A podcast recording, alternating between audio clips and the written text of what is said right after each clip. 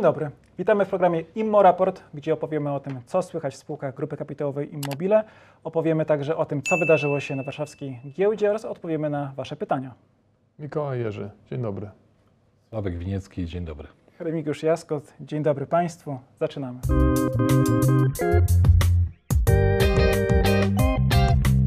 Rusza przekazanie mieszkań na trzecim etapie Platonowego Parku. To największa inwestycja deweloperska w Bydgoszczy, a jak już Państwu wspominaliśmy z jednym z ostatnich filmów, ten rok będzie najlepszym rokiem w historii spółki CDI Konsultanci Budowlani. Od początku roku oddawanych jest 130 mieszkań na rabatkach, a trzeci etap Platonowego Parku to 256 mieszkań i mniej więcej połowa z tego zostanie oddana w tym roku. Sławku? Tak, CDI ma zaawansowane procedury uzyskiwania, uzyskania pozwolenia na użytkowanie. E, wiem, że były już służby, które e, są konieczne do uzyskania tego pozwolenia. Wyniki są pozytywne, więc od 15 sierpnia rozpocznie się e, przekazywanie mieszkań, co, czego skutkiem będzie rozpoznawanie przychodu już w trzecim kwartale. Czyli księgowy dodaje, cieszy się i ty to nazywasz rozpoznawaniem przychodu. Bo ja lubię czasami ten, ten slang taki. Piotr Fortuna, Piotr Fortuna chodzi uśmiechnięty. Myślę, że od 15 sierpnia jego uśmiech będzie jeszcze szerszy. Ja bym jeszcze dodał, że w zeszłym tygodniu rozmawiałem chwilę z Andrzejem e, Witkowskim i mówił, że widać już e, duże wzmożenie e, popytu. Pewnie jest to po części start programu 2%, a po części zmiana wymagań KNF-u co do udzielanych e, kredytów e, i ten popyt jest większy, a co za tym idzie sprzedaż.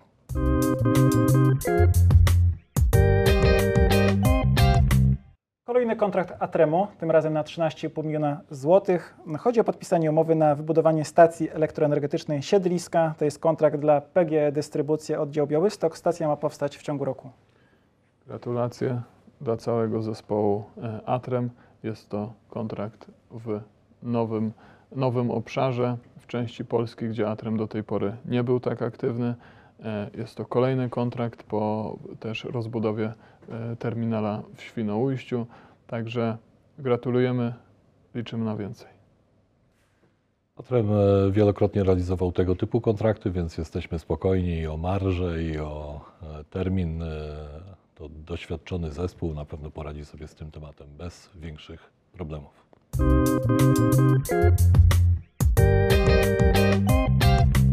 Rzut oka na kursy spółek giełdowych. Państwo zobaczą je w ujęciu e, rocznym. E, GKI e, tutaj w ostatnim tygodniu był, we wtorek był niewielki spadek. Przy niskich obrotach kilkutysięcznych. Dziś, kiedy to nagrywamy, w środę rano z powrotem jest 2,87.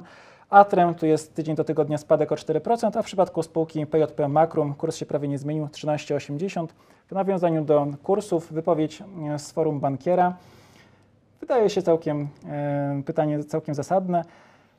Backlog naprawdę zacny, dodatkowa ekstra premia do zysku 4 miliony, dorzucili dywidendę, a to tutaj sobie stoi bez obrotu przy Hosannie na szerokim. Chodzi o to, że inne spółki rosną, Atrem stoi w miejscu. Rynek nie dowierza, że zarobią, czy jest coś innego na rzeczy. Czekamy na kolejny kontrakt, który będzie zapalnikiem, czy też może ktoś musi swoje nazbierać. To ostatnie zdanie to typowe dla forum bankiera taka teoria spiskowa. Albo gruby albo sypie, albo zbiera. Jest jakaś spółdzielnia zazwyczaj w tych, w tych wizjach komentujących.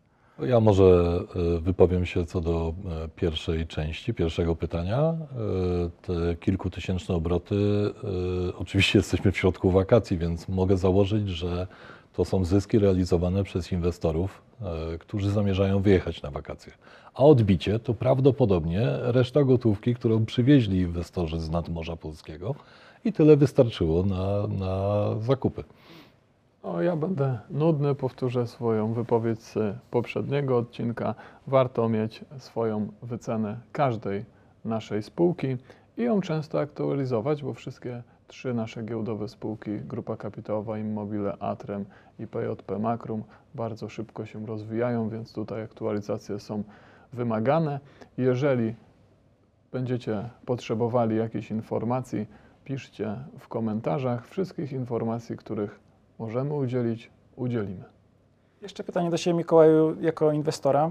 Jeśli e, kupujesz spółkę, w którą tutaj nie jesteś zaangażowany, nie jest z rodziny z tylko po prostu ją obserwujesz jak każdy inwestor i widzi, że tak jak w przypadku Atremu pojawiają się mniejsze lub większe pozytywne informacje, a kurs nie reaguje, to jak to odbierasz? Ja mam naturę inwestora długoterminowego i też w naszych tu przejęciach, które realizujemy w ramach grupy kapitałowej Immobile, ale w ramach rozważania wszelkich e, inwestycji patrzymy na długą perspektywę, więc po prostu e, patrzymy jak się zmienia wartość spółki, a kurs jest niezależny od tej wartości. O kursie decyduje tylko chwilowy popyt i podaż, więc ten kurs mnie nie interesuje, dopóki nie mówi, że należałoby coś zrobić. Także jeśli ten kurs jest znacząco poniżej tej wartości, no to jest sygnał, że warto taki, taki papier po prostu akumulować.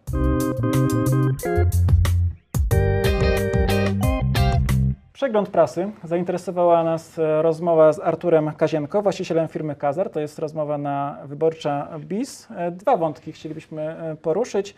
Taki cytat właściciela firmy, która produkuje m.in. buty, galanterię skórzaną. Radykalnie zmienia się rola społeczna centrów handlowych. I tutaj prezes mówi też, że na Chmielnej Warszawie czy Piotrkowskiej w Łodzi już handel został w zasadzie wypchnięty. I rozszerza swoją wypowiedź na temat tego, jak zmieniają się galerie handlowe. Wy też to obserwujecie i jakie są Wasze refleksje?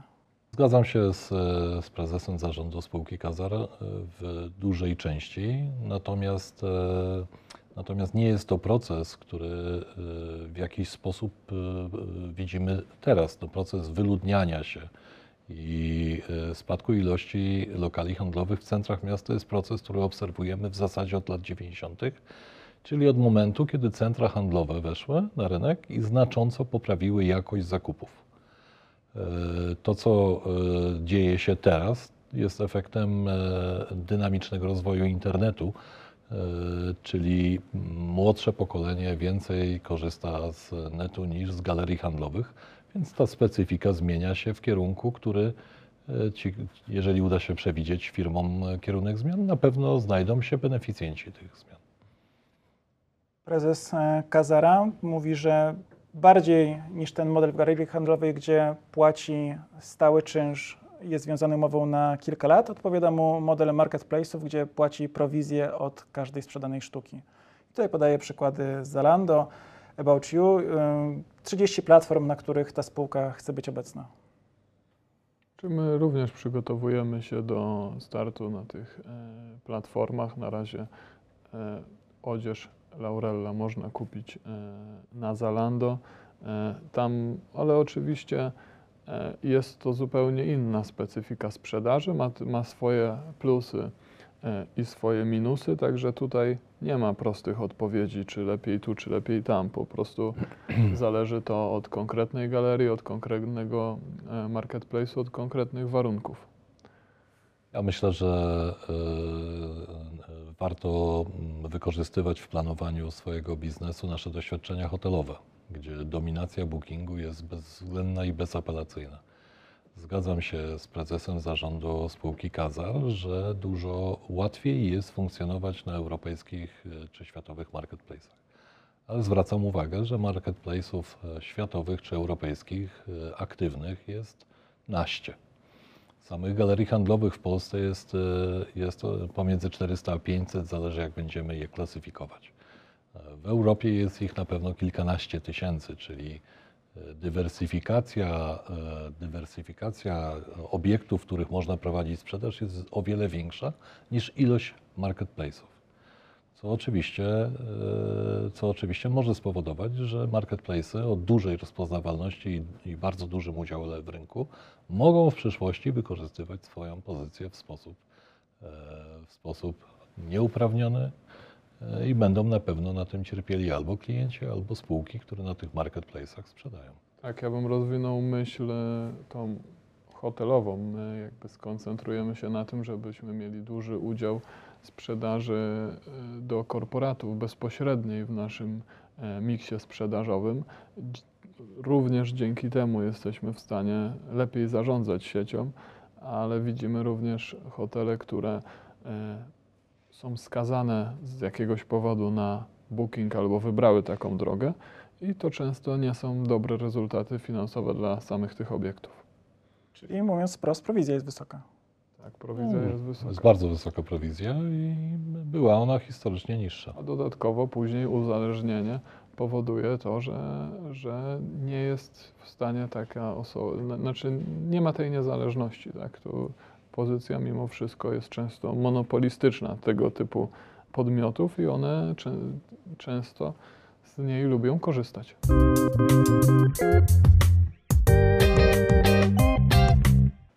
Zbankrutował właściciel sieci sklepów Pepco. Sąd w Amsterdamie mm, zdecydował, że plan przymusowej restrukturyzacji dla Steinhoff International został zaakceptowany i de facto oznacza likwidację grupy, która była zadłużona, zadłużona na ponad 10 miliardów e, euro i nie była w stanie tego długu spłacać.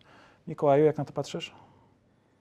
Znaczy, mi jest trochę żal wszystkich, którzy wzięli udział e, w debiucie e, Pepco z jednej Na strony. warszawskiej giełdzie. Na warszawskiej giełdzie, tak.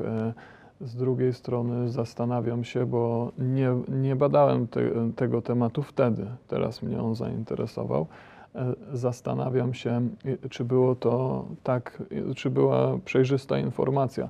Mianowicie e, z tego, co sobie e, poczytałem, grupa Steinhoff była autorem em, jednego z większych skandali finansowych. Myślę, że tak 10 razy get back, jakbym powiedział, to bym nie przesadził. E, Paradoksalnie też była audytowana wtedy przez audytora Deloitte. Następny audytor PwC e, wskazał bodajże chyba w 15 czy 16 roku, że praktycznie wszystkie pozycje w bilansie są sfałszowane. Ówczesny CEO się ukrywa, jest ścigany e, międzynarodowym nakazem zatrzymania Interpolu.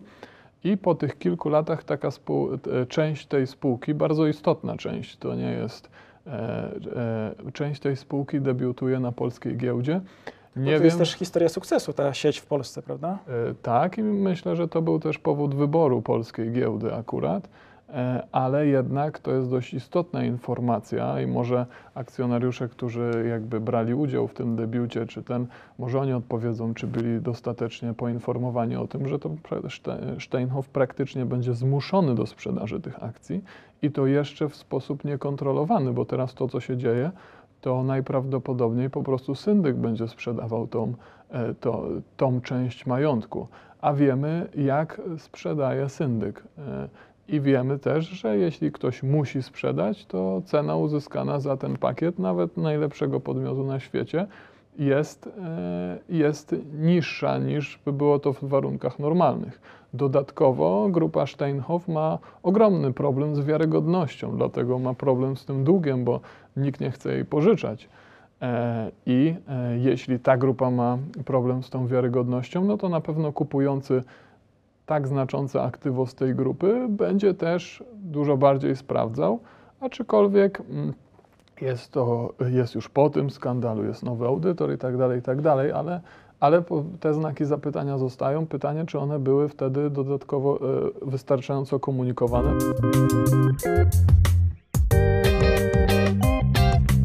Q&A, pytania i odpowiedzi. Pierwsze pytanie od Remigiusza Iwana z portalu Analiz, który pyta o aktualizację sytuacji w segmencie modowym. Jak wygląda sieć sprzedaży obecnie, a jak będzie wyglądać na koniec roku?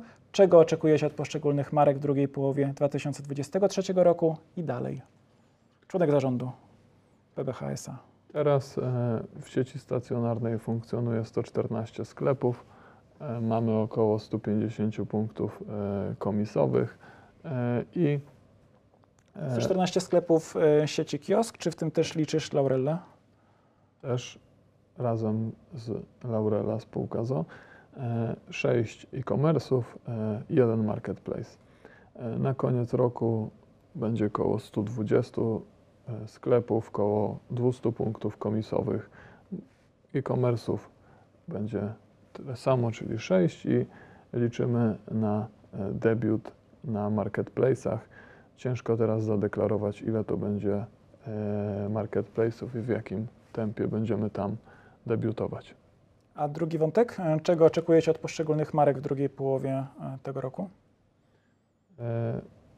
Od wrzesień, październik to będą miesiące, gdzie nasze sklepy będą w pełni zatowarowane. Liczymy, że na jak najlepszą ekspozycję wewnątrz sklepu tych marek, ale będziemy sy- sytuację i i, że tak powiem, dalsze kroki, e, pewnie te decyzje będą zapadały po kilku miesiącach od debiutu tych e, produktów w sklepach stacjonarnych. Teraz czekamy na ten debiut. Sławku, ja liczę na przykład, że ty powiesz, że masz całkowicie odmienne oczekiwania i to wytworzy jakąś tutaj linię sporu. Byłoby dziwne, gdyby wytworzyła się tutaj linia sporu. No Na YouTubie widziano już dziwniejsze rzeczy. Nie, oczywiście rozwój, o którym e, opowiada Mikołaj, jest e, częścią planów, które poczyniliśmy z zarządami tych spółek. Jest oczywiście jakiś e, czas bezwładności, jeżeli chodzi o chociażby pozyskanie towaru, więc ten wrzesień będzie przełomowy po prostu dla spółek z grupy PBH.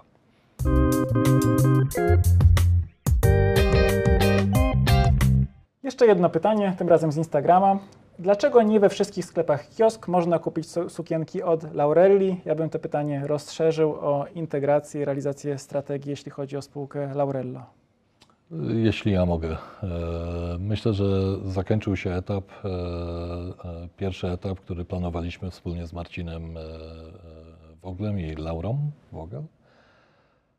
A mianowicie po dwóch miesiącach intensywnej pracy, niecałe trzy miesiące z przejęcia, jesteśmy już podzieleni tak, e, że możemy o tym po prostu opowiedzieć. E, Wcześniej trzymaliśmy tą, tajemni- tą informację e, tak, żeby przeprowadzenie tego procesu było dla nas po prostu łatwiejsze.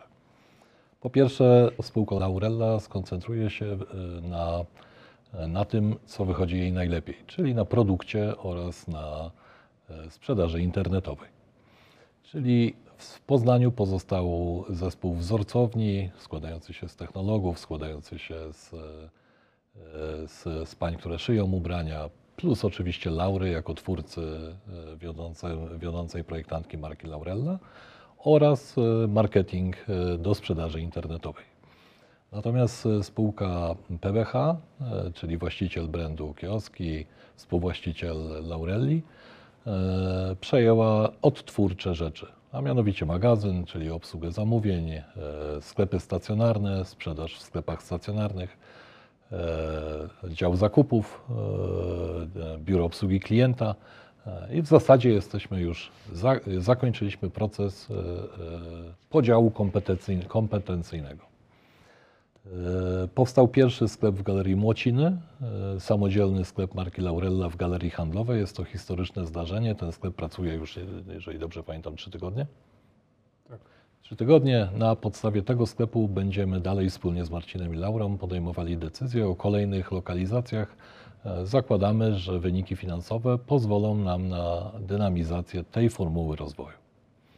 Jeżeli chodzi o dalsze wspólne plany, to myślę, że teraz przejdziemy w okres skalowania biznesu, czyli zwiększone zamówienia, zwiększona produkcja zaczną pojawiać się w trzecim, czwartym kwartale tego roku, co powinno systematycznie podnosić e, teraz przychody w spółce Laurella.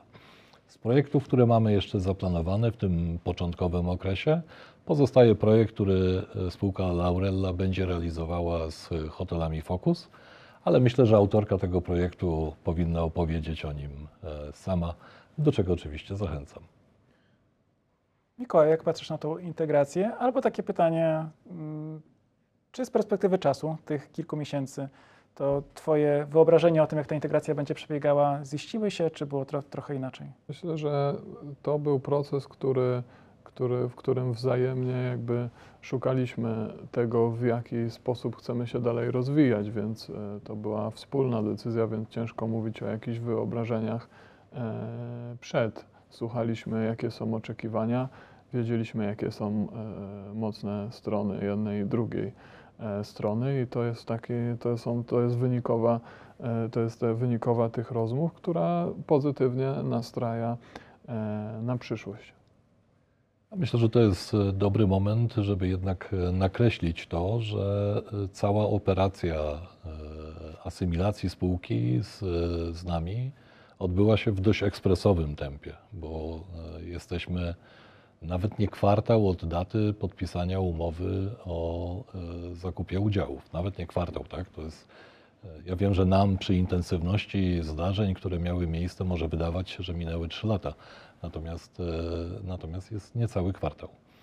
E, Myślę, że pulę napięć e, wykorzystaliśmy, wykorzystaliśmy mimo wszystko w minimalnych zakresach, bo efekt jest taki, że jesteśmy dziś gotowi do zwiększania skali biznesu i mamy to mniej więcej poukładane. No liczę, że teraz już będzie tylko dynamicznie wzrastała sprzedaż.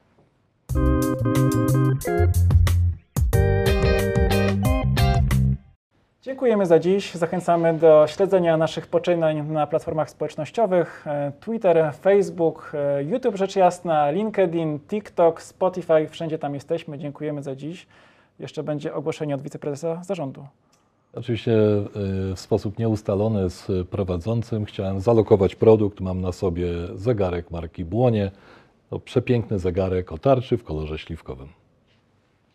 Ja mam otarczy w kolorze granatowym, również błonie. Polecam. Ewidentnie prowadzący został wpuszczony w maliny. Dziękujemy za dziś. Do zobaczenia. Dziękujemy. Do widzenia.